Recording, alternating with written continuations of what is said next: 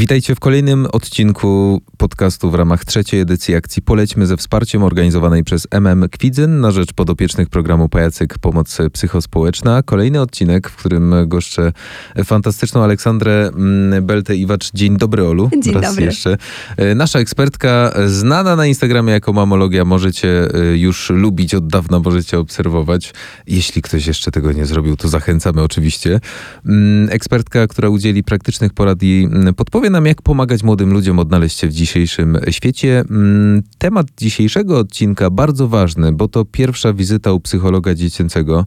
Wiemy już, jak ważne jest budowanie wzajemnej relacji z dzieckiem i dbanie o jego zdrowie psychiczne. Nieocenionym wsparciem na tej drodze są nie tylko rodzice, ale też nauczyciele. O tym nauczycielu sojuszniku sobie rozmawialiśmy w poprzednim odcinku, do którego zachęcamy wrócić, jeśli tego jeszcze nie zrobiliście. Czasami e, rozmowa to nie wszystko. Konieczna jest właśnie wizyta u psychologa dziecięcego. Jak przygotować się do tej pierwszej wizyty, czego oczekiwać e, w trakcie jej trwania, jak wspierać naszą pociechę w terapii i wreszcie co robić po jej zakończeniu. To również jest bardzo ważny temat, bo terapia nie kończy się z ostatnim dniem prawda. terapii, tylko tak naprawdę ona może się w ogóle wtedy Zacząć. zacząć. E, Olu, temat znów obszerny, temat bardzo ważny, temat, y, który zapewne pomoże wielu rodzicom. Mm, Zacznijmy może y, naszą dzisiejszą rozmowę od czynników zewnętrznych, które wpływają na zdrowie psychiczne naszych dzieci w ogóle. Jakie to są? Mhm. Cieszę się, że od tego zaczynamy, bo mam e, czasami takie poczucie, jak rozmawiam z rodzicami, e, że wydaje się, no jakie problemy ze zdrowiem psychicznym mogą mieć dzieci. Mhm. Przecież to są dzieci, one nie mają kłopotów, swobodnie się bawią, a jednak e, rzeczywiście e, problemy zdrowotne z żadnej dziedziny nie omijają żadnej grupy wiekowej, e, więc dzieci niestety również. I na to zdrowie psychiczne dzieci wpływa rzeczywiście wiele różnych rzeczy, ale jak sobie myślę o tych takich głównych czynnikach, to to, co jako pierwsze przychodzi mi na myśl, to jest przede wszystkim to środowisko rodzinne. Czyli co tam się w tej rodzinie dzieje, jak się ta rodzina w całości jako rodzina ma, czy dobre relacje to są nie tylko relacje mama, dziecko, tata, dziecko, ale też mama, tata.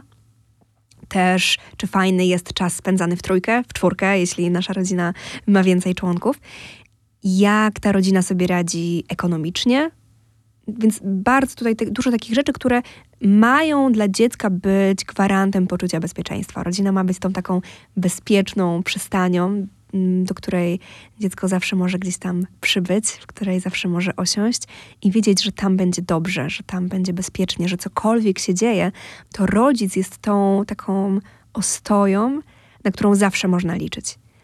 A też dlatego, że my, rodzice, nie jesteśmy robotami, więc też nas y, dotykają trudności w pracy, e, niskiej, niska kwota na koncie bankowym. Mhm. To wszystko może sprawiać, że nam może być trudno w tym kontakcie z dzieckiem, bo te nasze myśli krążą teraz właśnie e, na przykład wokół tego, jak zadbać o takie bezpieczeństwo e, właśnie ekonomiczne, więc trochę mi brakuje zasobów na przykład na wsparcie emocjonalne mojego dziecka. Tak może być. E, No drugim oczywiście tym ważnym środowiskiem jest to środowisko szkolne, gdzie dziecko buduje te relacje z rówieśnikami czy z nauczycielami, ale też przecież stale są stawiane przed nim wyzwania. Te wyzwania mogą być zbyt małe albo zbyt duże. Są tam te oceny, które cały czas weryfikują, jak ja sobie radzę. Mm, W związku z czym klasyfikują mnie też na dobrego ucznia, złego ucznia, kiepskiego ucznia. No i mamy te relacje z rówieśnikami, które bardzo dzieci dotykają, bo im dziecko starsze, im dziecko starsze, tym te relacje z rówieśnikami stają się ważniejsze, bardziej priorytetowe. I się rozwijają z każdym I- dniem i to prawda. coraz bardziej. Ale piękne jest to, co powiedziałaś właśnie, że dom powinien być taką ostoją, taką przystanią, e, no nie tylko dla rodzica, bo dużo się mówi o tym, że, że właśnie po ciężkiej robocie powinieneś mieć takie swoje miejsce, gdzie się wyciszysz i tak dalej. Dzieci również tego potrzebują. Po ciężkim dniu przebodźcowanym w szkole potrzebują mieć taką swoją ostoję. Y, Przeprowadzono wnikliwe badania i w tym odcinku chciałbym, żebyśmy się do nich odnieśli. Badania przeprowadzone w ramach kampanii Polećmy ze wsparciem. Mm, Olu, czego one dotyczyły i co tak naprawdę nam powiedziały? Mhm. Badania dotyczyły opinii rodziców e, o zdrowiu psychicznym dzieci. Tego, jak to wygląda, z jakimi trudnościami w tym obszarze dzieci się mierzą, czy rodzice ufają wsparciu psychologicznemu, czy chętnie z niego korzystają. Były prowadzone na całkiem sporej grupie, bo było to aż e, 600 rodzin, 600 Mhm. rodziców, e, zarówno z tych klas 1-3, czyli tej edukacji wczesnoszkolnej, jak i tych starszych klas szkoły podstawowej. Czego możemy się dowiedzieć z tych badań? Mhm. Czego możemy się dowiedzieć? Wiesz, y, na pewno to, co mnie bardzo ucieszyło, to, że wzrasta ta świadomość na temat zdrowia psychicznego wśród y, rodziców. Ale to, co mnie zasmuciło, to, że mimo, że wzrasta, to nadal jest to rzadko poruszany temat w rozmowach rodzic-dziecko. Mhm. Teraz zobacz, wszyscy rodzice uczą swoje dzieci, jak ważne jest dbanie o zęby. Trzeba je myć rano, trzeba je myć wieczorem. I jak ważna jest zdrowa dieta. Trzeba jeść warzywa, a słodyczy to tak mniej. Więc my o tym zdrowiu rozmawiamy dużo. Natomiast to zdrowie psychiczne rzeczywiście jest gdzieś takim tematem tabu. Ale jednocześnie ja mam bardzo dużo zrozumienia do rodziców, dlatego że nas też nikt nie nauczył dbać o zdrowie psychiczne. Co to w ogóle znaczy zdrowie psychiczne? Nikt nas nie uczył, jak regulować swoje emocje, jak zadbać o swój taki dobrostan. My tego nie wiemy. A nagle ym, świat od nas trochę oczekuje, że my wyposażymy w tą wiedzę dzieci.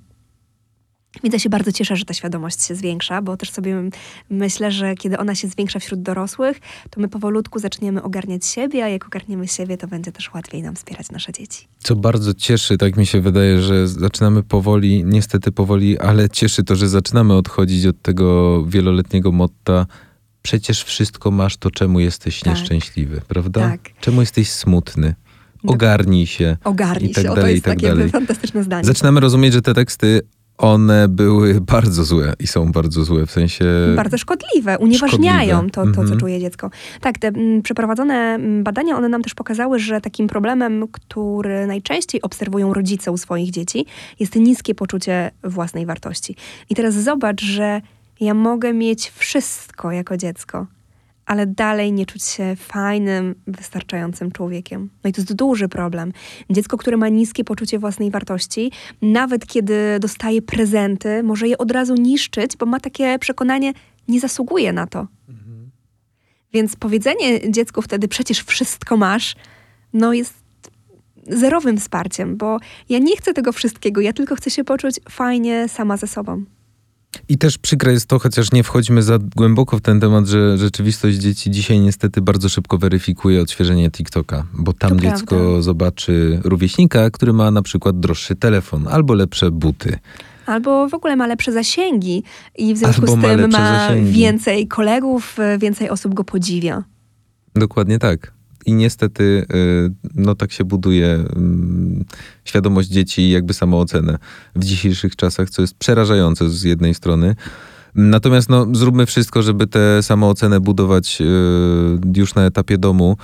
E, Ale żeby to zrobić, musimy mieć też y, dość duży margines i być czujnym rodzicem na to, jak dziecko się zachowuje, na to, na to, na to co dziecko odczuwa na co dzień. E, Sygnały ostrzegawcze, które powinny zapalić nam taką czerwoną lampkę na co dzień w domu, kiedy widzimy, że coś się zaczyna dziać, kiedy reagować. Największą lampką alarmową są zmiany. Kiedy ja obserwuję, że nagle mam w domu inne dziecko. Mhm. To jest taka największa lampka alarmowa, która pokazuje, że rzeczywiście coś się dzieje. Nie zawsze to jest coś złego, czasami to jest po prostu wkroczenie na kolejny etap rozwojowy. Natomiast rzeczywiście to jest coś, co powinno wzmagać naszą czujność. Duża zmiana, ale też taka trudność z nieradzeniem sobie z jakimiś zmianami. Z tym, że nagle mam nowych nauczycieli, bo zmieniła się kadra w szkole. Z tym, że mm, mój ulubiony kolega odszedł z naszej szkoły. To jest zawsze smutne, tak? Kiedy, Mhm. kiedy tracimy relacje. Ale czy dziecko ma takie strategie, żeby sobie z tym poradzić, z tym smutkiem? Jakby to, że czujemy emocje jest okej, my mamy je czuć, ale ważne, żebyśmy my wiedzieli, jak sobie z każdą z tych emocji radzić. Więc kiedy tu widzimy, że czegoś brakuje, to jest taka na pewno lampka alarmowa. Izolacja i wycofanie. Zarówno z tej takiej właśnie rodzinnej struktury, kiedy do tej pory moje dziecko chętnie siadało i jadło z nami obiad, a nagle gdzieś prosi o to, żeby mogło jeść samo w pokoju, ale też takie wycofanie z relacji rówieśniczych. Miało swoją paczkę, wychodziło z domu, spotykało się z innymi, a nagle nie robi tego wcale. Chociaż tutaj robię taką gwiazdkę, e, bo powiedziałeś e, właśnie o mm, tych różnych internetowych platformach i stety, niestety dzieje się też e, tak, że te podwórkowe życie, ono się przenosi do, do internetu i mm, zdecydowanie nie możemy już stawiać takiej kreski granicy między życiem offline a życiem online, więc warto też sprawdzać, czy to przypadkiem nie jest tak, że nawet gdyby to nasze dziecko wyszło z tego domu, to tak naprawdę nie miałoby się z kim spotkać, bo jego rówieśnicy są w tym internecie. Problemem, mm, lampką alarmową, są też trudności z koncentracją. Kiedy dziecko do tej pory nie miało trudności z nauką, a nagle rzeczywiście trudno jest mu się skupić, często o czymś zapomina.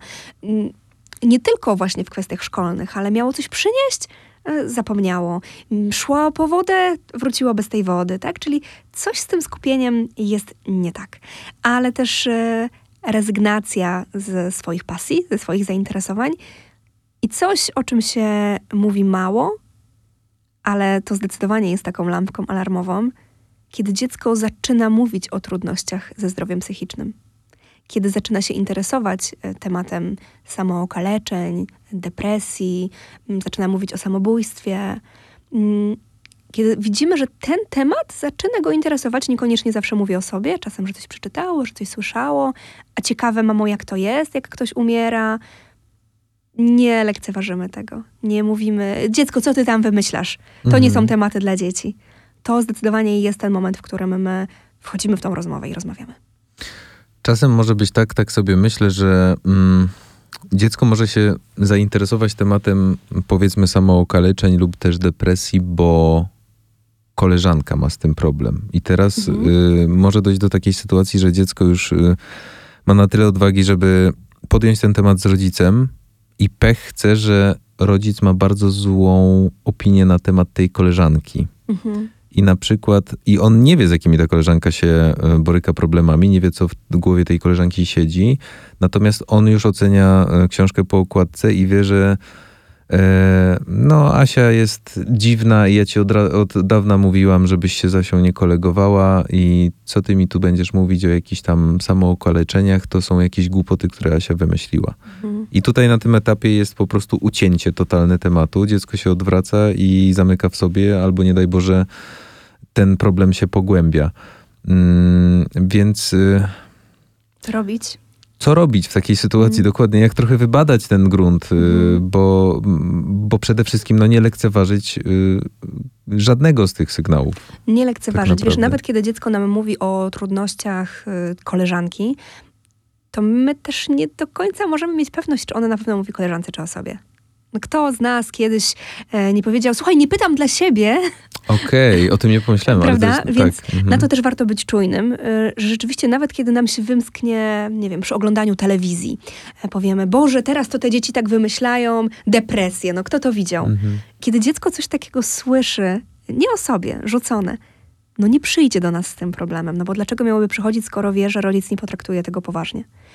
Mm, więc to jest jedna strona medalu. Natomiast odpowiadając e, konkretnie na Twój przykład, kiedy ja rzeczywiście czuję, że ta przykładowa Asia to nie do końca jest towarzystwo dla mojego dziecka, nie lekceważę, ale mogę dać znać o tej mojej granicy. Wiesz, wydaje mi się, że Asia ma teraz taką trudną sytuację rodzinną.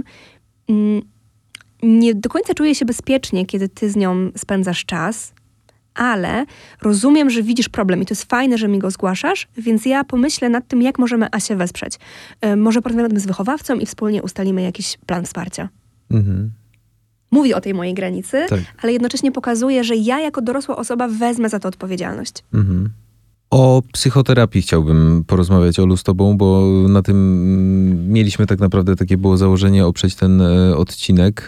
To jest kolejne słowo, które może budzić lęk w niektórych tak. rodzicach. To jest kolejne słowo, które obok depresji czy zaburzeń lękowych y, może może być bardzo niekomfortowe dla niektórych rodziców, zwłaszcza wychowanych bardzo konserwatywnie, mhm. zwłaszcza tych rodziców, którzy wzorca absolutnie mm, za dzieciaka nie mieli e, i, i przenieśli te błędy na swoje dzieci. Natomiast właśnie jakie skojarzenia wśród rodziców budzi psychoterapia, psycholog w ogóle dzisiaj? Mhm. Mam nadzieję, że coraz lepsze. Coraz lepsze, ale cały czas nie są tak dobre te skojarzenia, jakbyśmy sobie e, marzyli. Mm, te badania, o których e, dzisiaj mówimy, do których nawiązujemy, pokazały nam, że 38% rodziców ufa, że psychoterapeuta, psychoterapeutka może realnie pomóc dziecku z jego problemem. I teraz możemy sobie pomyśleć, że te 38% no to jest sporo, ale ja sobie cały czas myślę, ok, czyli mamy 60% rodziców, No którzy w to nie wierzą. Więc jest lepiej, myślę sobie, ale cały czas nie jest tak dobrze, jakbyśmy chcieli. Myślę, że to też wynika z tego, że my, kiedy byliśmy dziećmi, to słyszeliśmy, że z pomocy psychologa, psychoterapeuty, psychiatry, no to korzy korzystają wariaci. Nie? To tak, takie... tak, to jest ostateczność. Jakby tak, już wtedy się idzie, jak już jesteś zagubiona totalnie, tak. nie? Jak już nie ma obrotu. Mhm. I myślę sobie, że my cały czas wchodzimy w relacje z naszymi dziećmi właśnie z tymi przekonaniami. A cały czas warto sobie myśleć, że tak samo jak badamy, dlaczego nasze dziecko ma gorączkę, tak samo warto się zainteresować, dlaczego ostatnio ten nastrój się zmienił. A mamy jakieś statystyki uczniów, którzy brali udział w psychoterapii? Mhm. Mamy takie statystyki i co jest e, bardzo ciekawe, bardzo ciekawe, a jednocześnie wydaje się bardzo oczywiste, to że większość mm, rodziców, którzy korzystali sami z procesu psychoterapii, tak samo chętnie mm, wysyła swoje dziecko, szuka takiego wsparcia dla, dla swoich y, dzieci. Okej. Okay. Więc to jest, to jest bardzo takie optymistyczne. Natomiast cały czas znacząca większość dzieci, bo 76% nie miała do czynienia z psychoterapią i z jednej strony możemy sobie pomyśleć, no to super, no to skoro nie mieli, to nie mieli takiej potrzeby. Mhm. Ale ja cały czas sobie myślę, a ile w tej grupie jest dzieci, które potrzebowałyby takiego wsparcia, ale go nie otrzymały. Absolutnie tak. I w końcu y, dochodzi do pierwszej wizyty, mm, kiedy rodzic się zdecyduje, żeby, żeby tą drogą mm, poprowadzić dziecko. Jak w ogóle przygotować się do takiej pierwszej wizyty psychoterapeutycznej? Wiesz, to, Myślę tutaj o rodzicu raczej. O rodzicu, tak. I dobrze, że właśnie, że pytasz o rodzica, dlatego, że bardzo często taką pierwszą obawą rodziców jest to, moje dziecko i tak tam nie pójdzie. Moje dziecko pójdzie i się nie będzie odzywać. Moje dziecko i tak się pani od, od, niego niczego nie dowie. Ja z nim pogadam. Tak. Lepiej. Natomiast to, co jest ważne, to zdecydowana większość psychologów, terapeutów dziecięcych pracuje w taki sposób, że to pierwsze spotkanie jest spotkaniem wyłącznie z rodzicem. Mhm. Że to rodzic idzie do tego terapeuty. Mm, to pierwsze spotkanie to jest takie spotkanie, na którym terapeuta zbiera wywiad, czyli zbiera informacje dotyczące dziecka, tego z czym teraz ono się mierzy, ale też właśnie takiej historii tego dziecka. Więc jeśli zapytałeś, jak się przygotować, to na pewno zastanowić się, jakie są moje pytania konkretnie, czego ja bym się potrzebował dowiedzieć jako rodzic, żeby w tej sytuacji poczuć się bezpiecznie, komfortowo, żeby mieć jakiś plan działania, formułuje konkretne pytania, warto sobie je nawet zanotować, dlatego że taka wizyta u psychologa często jest stresująca dla rodziców i łatwo nam gdzieś te nasze myśli wyparowują. Druga rzecz, skoro wiem, że ta pierwsza wizyta to jest takie zebranie przez terapeutę historii tego dziecka, to warto sobie przypomnieć jakieś takie kluczowe momenty w życiu dziecka, być może kiedy był rozwód rodziców, kiedy zmarła ukochana babcia, ale też te początki, kiedy moje dziecko mm, adaptowało się do żłobka, do przedszkola, kiedy zrobiło takie kroki milowe w rozwoju, czyli zaczęło siedzieć, zaczęło chodzić. To są takie pytania, które często rodzicom się wydają zupełnie niepowiązane z hmm. aktualną mm. sytuacją jego czternastolatka na przykład, a psycholog o to pyta, dlatego że to daje często taki pełny ogląd sytuacji. Czyli ta pierwsza wizyta to jest absolutny wywiad, można powiedzieć, tak. rozeznanie. To jest takie rozeznanie, co tam się dzieje. Zdarza się, że wystarczy czasu na to, żeby psycholog mógł dać jakieś takie pierwsze wskazówki, pierwsze takie instrukcje, co warto zrobić w domu, jak warto z dzieckiem rozmawiać, albo powie, ok, to w takim razie myślę sobie, że to jest rzeczywiście taki czas, żebyśmy na razie my pracowali w gronie rodziców, e, rodzic, e, terapeuta, więc zapraszam Państwa na kolejną rozmowę i wtedy ustalimy taki plan. Mhm. A zdarzy się, że psycholog powie, ok, to w takim razie myślę, że to jest taki czas na spotkanie z moje z dzieckiem. W takim razie opowiem teraz Państwu, jak przygotować do tego dziecko i to przygotować, to absolutnie nie chodzi o to, proszę mu powiedzieć, o co ja tu będę pytał i jak ma odpowiadać, dlatego, że im więcej... Gotowca nie przygotowujemy, tak, nie, nie, nie, absolutnie. Im więcej swobody w tej rozmowie, mm, tym lepiej. Czasami nawet e, niekorzystne jest takie mówienie dziecku, tylko rozmawiaj z panią, odpowiadaj na wszystkie pytania, bo to tworzy taką presję. Psycholog sobie poradzi, a czasami nawet taka godzina milczenia z dzieckiem też bardzo dużo daje, bo pokazuje dziecku, że ten ktoś dalej będzie obok i na przykład poda chusteczki albo jakiegoś gniotka, na którego można się, na którym można się wyżyć.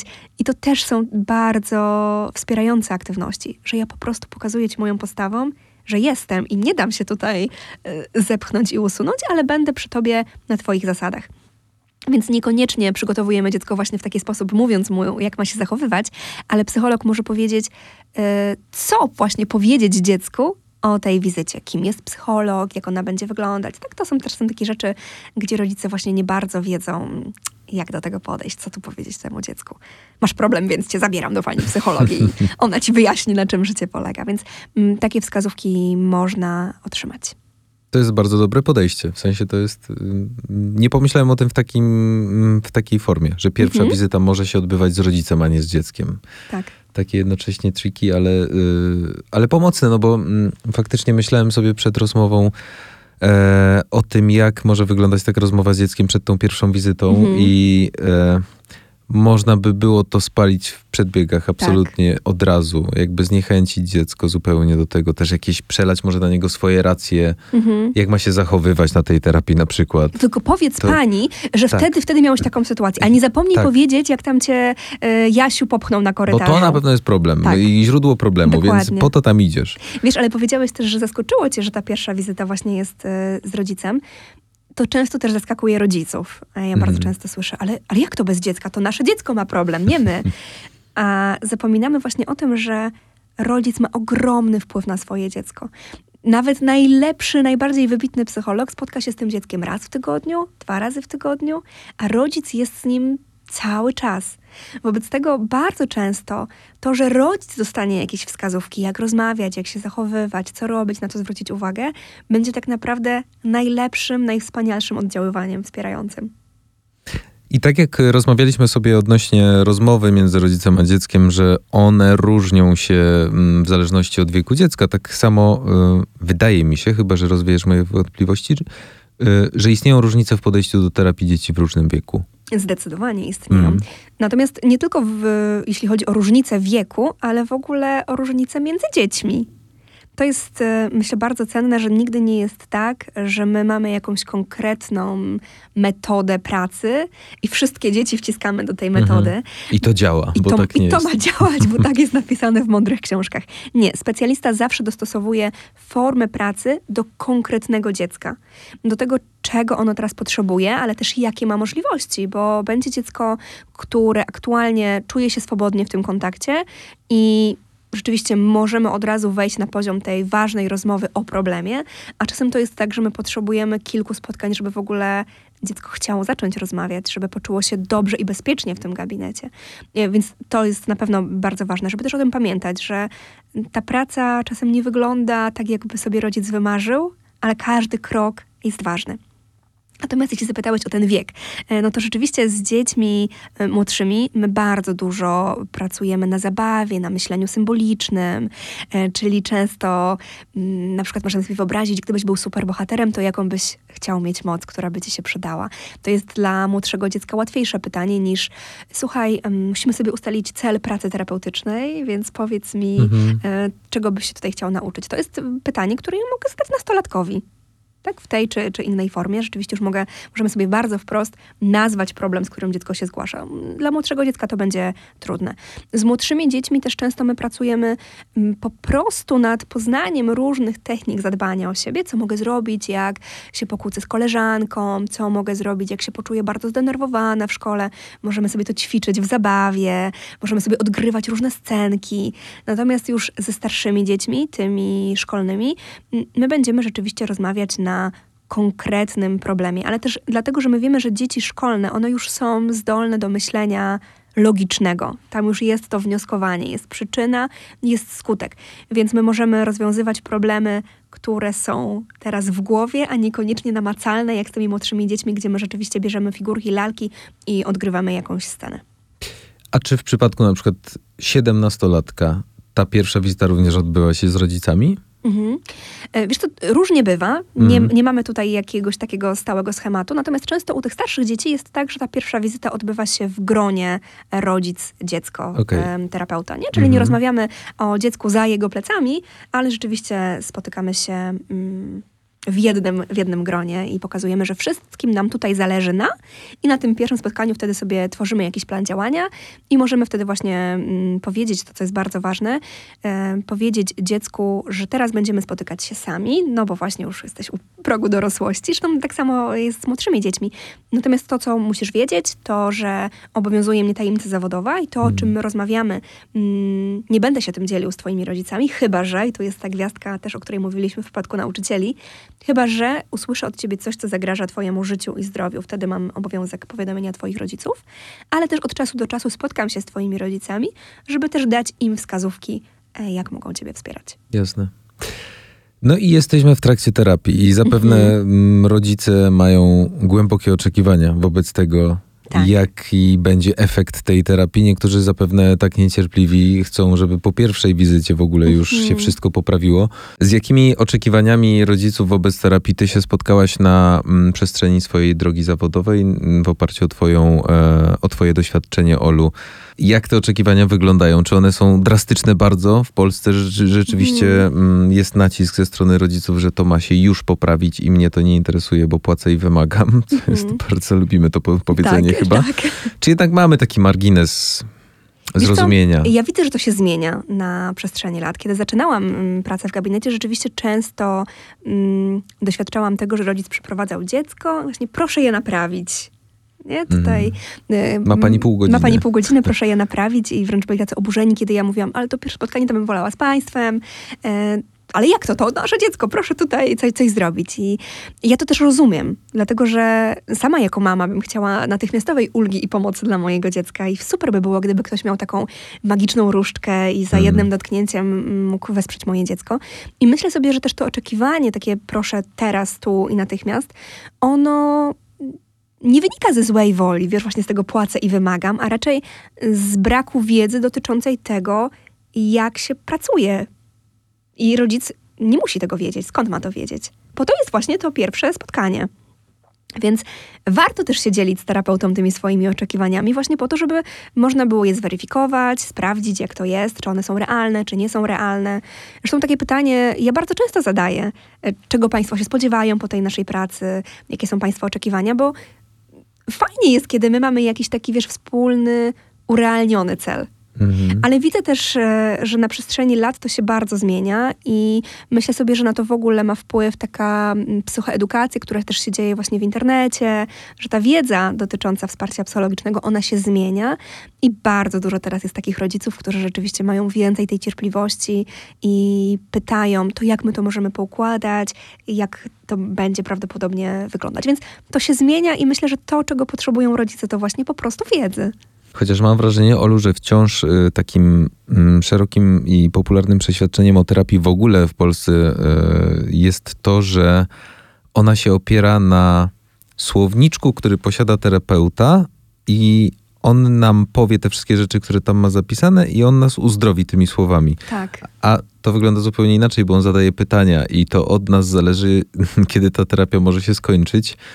E, zależy wszystko od tego, jak my na te pytania w sobie samych odpowiemy, prawda? Na ile będziemy chcieli. Na ile będziemy sami chcieli. przed sobą też odpowiedzieć. Dokładnie. Jak one będą rezonowały w ogóle w nas. Być może one będą potrzebowały trochę czasu, żeby zaiskrzyć w środku, żeby wykiełkowało coś, żebyśmy zrozumieli, przetrawili w sobie, prawda? To nie jest tak, że płacę 150 zł za wizytę, e, moje dziecko idzie i na tej wizycie otrzyma 5 złotych rat, tak. według których będzie mogło żyć i za te 150 złotych kupiłem przyszłość świat. mojego dziecka. No raczej to tak nie wygląda. Raczej to tak nie wygląda, e, ale wiesz, myślę sobie, że rodzice mają prawo nie wiedzieć. Nie? Że, że, że mają prawo nie wiedzieć. Zresztą rzeczywiście, jak powiedziałeś w tym słowniczku, to tak się uśmiechnęłam, dlatego że rzeczywiście też często słyszę od tych rodziców, którzy z taką dużą rezerwą podchodzą do wsparcia psychologicznego, no przecież ja to czytałem wszystko, każdy, co tam pani wie? Przeczytała pani jakąś książkę, ja też, ja też ją wypożyczyłem z biblioteki i to wcale nie działa. I ta wiedza, którą zdobywamy też jako rodzice, ona jest bardzo ważna i to jest w ogóle super, że rodzice teraz czytają, słuchają, szkolą się, uczą. Natomiast mm, psycholog ma jeszcze tę moc, że potrafi te różne kropki połączyć. Nie? Że to właśnie nie jest wsadzanie dziecka w teorię. I rzeczywiście powiedziałeś o tych takich pięciu złotych radach. Bardzo często, szczególnie z młodszymi dziećmi, my pracujemy tak, że mm, uczymy się na przykład dzisiaj takiego oddechu, który właśnie pomaga się uspokoić, nie? I robimy to w formie zabawy ze starszym właśnie my raczej będziemy chcieli, żeby mm, ten nastolatek doszedł do tego, że przyda mu się jakiś sposób na uspokojenie się mhm. i kiedy już dojdzie, to zaczniemy wspólnie szukać, co mu pomaga, potem sobie dopiero to trenować. E, młodsze dzieci czasami my właśnie stawiamy przed nimi takie zadania. Słuchaj, to y, pobawimy się teraz y, w oddychanie, a to było przyjemne i dopiero na tym doświadczeniu gdzieś, e, gdzieś, je, gdzieś je uczymy. Więc rzeczywiście jest tak, że my mamy jakieś takie wskazówki, ale to, na ile dziecko będzie gotowe z nich skorzystać później i ćwiczyć je nie tylko w gabinecie, ale też w takim swoim życiu codziennym, tak. to zależy od gotowości tego dziecka, od tego, na jakim ono jest teraz etapie. Terapia jest zawsze procesem. I o tym warto pamiętać. I super, że powiedziałaś, że rodzice czytają, bo rzeczywiście te półki w księgarniach, jak się spojrzy, one w tych działach psychologia są coraz szersze. Uginają się, tak. Uginają się, bo e, no nie tylko mindfulness jest bardzo popularny, coaching, ale też właśnie E, przeróżne książki dotyczące tego, jak e, pomagać innym po prostu, w tym naszym dzieciom. Więc jak wspierać dziecko w trakcie terapii w domu, żeby to wszystko grało, żeby te dwa mechanizmy ze sobą współdziałały, e, mhm. żeby nie doszło, broń Boże, do sytuacji, w której terapia idzie dobrze, a rodzic a w domu się wszystko blokady. psuje. Tak. Mhm. Mhm.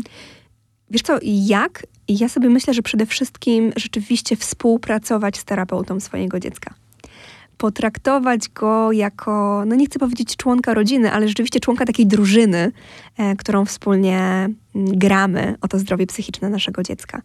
I kiedy mówię o tym, żeby mm, współpracować, to myślę też o tym, żeby być z terapeutą szczerym.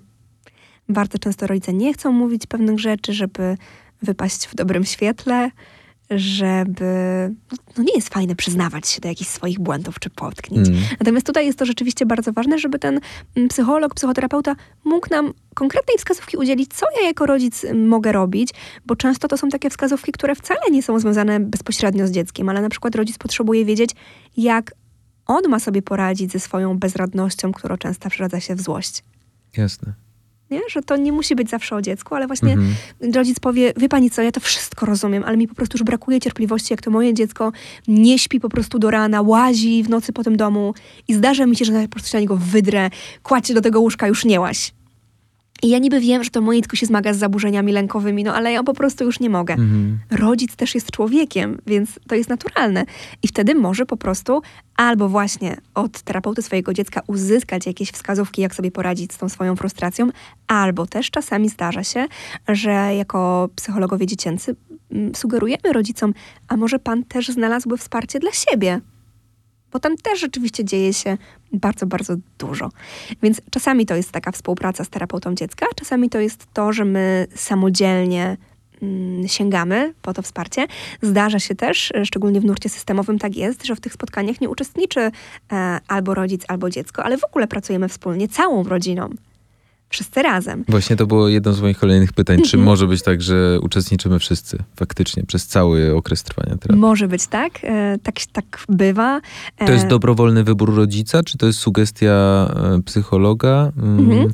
Wiesz co, to, to, trochę zależy od nurtu mm, od, od, od, nurtu, w jakim pracuje dany specjalista. Tak? Mhm. Jeśli pójdziemy do psychoterapeuty systemowego czy rodzinnego, to on prawdopodobnie mm, właśnie powie nam, że tak, taki jest jego sposób pracy. No i albo rodzic się zgadza, albo właśnie szuka kogoś w, pracującego w innym nurcie. E, zdarza się też tak, że psycholog powie, wie pani co, ja pracuję w tym nurcie systemowym, a mam poczucie, że tutaj lepiej sprawdziłby się inny. Mhm. To też jest okej. Okay. Mhm. E, zdarza się też, e, że psychologowie dziecięcy czasami na przykład pracują tylko z dzieckiem, a w pewnym momencie powiedzą rodzicowi, wie pani co, mam takie poczucie, że te spotkania byłyby bardziej efektowne, gdyby cała rodzina w nich uczestniczyła że przyjdzie pani, i tata dziecka, a, a nawet brat yy, syna, mhm. z którym tutaj yy, państwo przychodzą. Więc to też się może wydarzyć w trakcie procesu i warto być na to otwartym. Warto być otwartym na to, że no właśnie ten proces się zmienia, więc też te potrzeby dziecka, one na różnych etapach są różne. Więc warto być elastycznym i się do tego dostosować. A jeśli we mnie jako w rodzicu pojawia się taki sprzeciw, no ja tam nie będę chodzić. Bo ja wszystko wiem. Bo ja wszystko wiem, to też o tym powiedzieć, bo to też nam coś pokazuje. Więc powiedzieć, wie pani co, słyszę o tym, pani pomyśle, ale ja nie będę tutaj e, przychodzić, Mhm. a już na pewno nie z moim mężem. Sama jeszcze dobra, ale męża tu nie będę zaciągać, bo e, on to w ogóle nie wierzy w takie rzeczy, więc mm, to się nie uda. Więc być szczerym.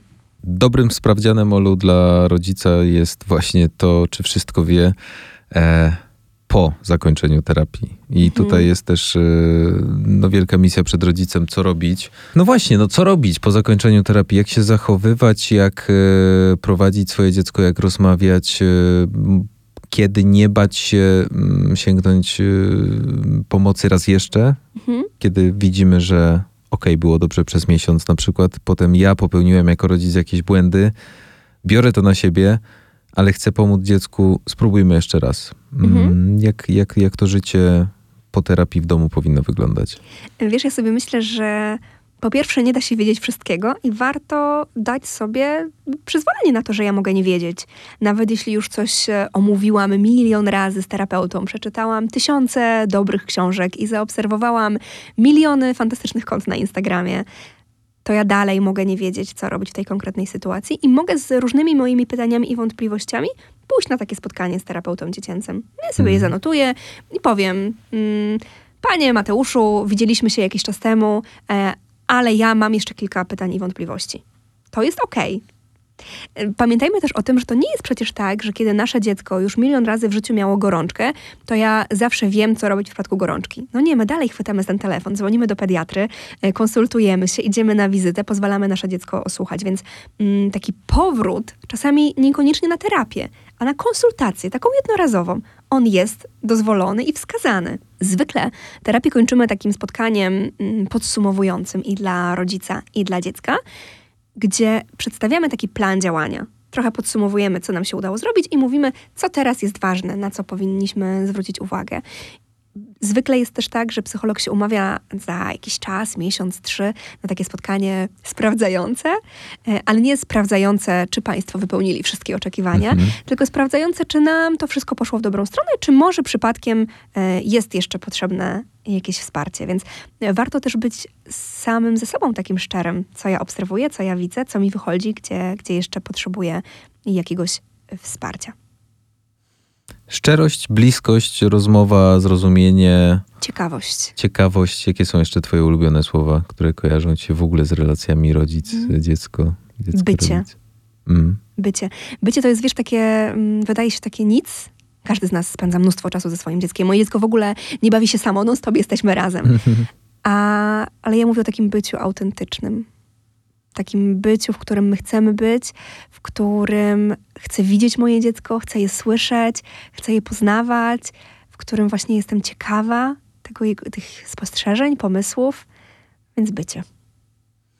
I nie, że widzę cię za ramki mojego smartfona, tylko faktycznie na ciebie patrzę, kiedy rozmawiamy. To prawda. I wiesz, w ogóle powiedziałeś e, ramki, powiedziałeś smartfona, co oczywiście wiem co, wiem, co masz na myśli, bo rzeczywiście te smartfony niemal, niemal przyrosły nam do rąk. Tak. Natomiast ja pomyślałam sobie w ogóle, że widzę ciebie nie tylko przez jakąś moją ramkę.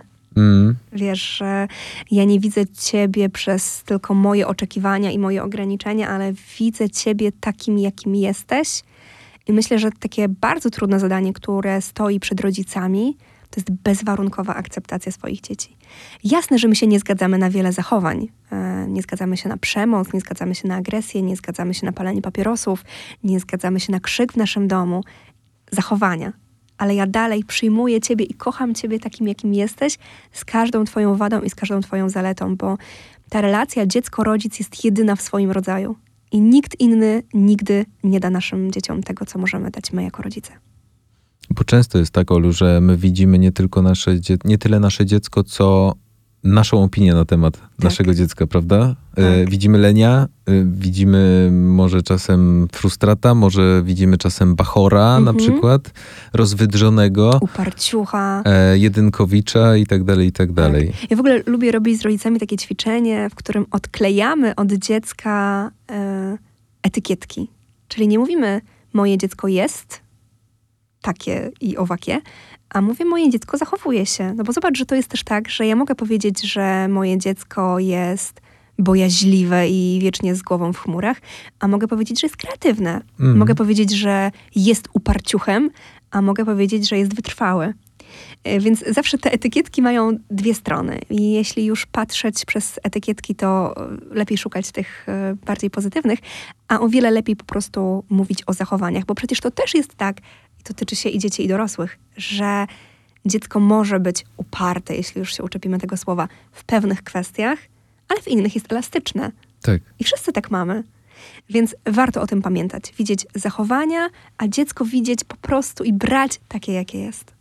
Aleksandra Belta-Iwacz, nasza ekspertka, mamologia z Instagrama. Olu, bardzo, bardzo dziękuję za te trzy odcinki. E, ogrom wiedzy, e, fantastyczne informacje, piękne słowa padły. Mam nadzieję, że e, tymi minutami pomożemy niektórym rodzicom, pomożemy też nauczycielom. I pomożemy dzieciom tym samym. I finalnie właśnie dzieciom pomóc może również poradnik Pierwszy Dzwonek, e, który polecaliśmy w odcinku drugim, a my polecamy wszystkim powroty do naszych e, rozmów i do naszego podcastu Polećmy ze wsparciem w ramach trzeciej edycji akcji Polećmy ze wsparciem organizowanej przez MM Kwidzyn na rzecz podopiecznych programu Pajacyk Pomoc Psychospołeczna. Aleksandra Beltajwacz raz jeszcze bardzo dziękuję.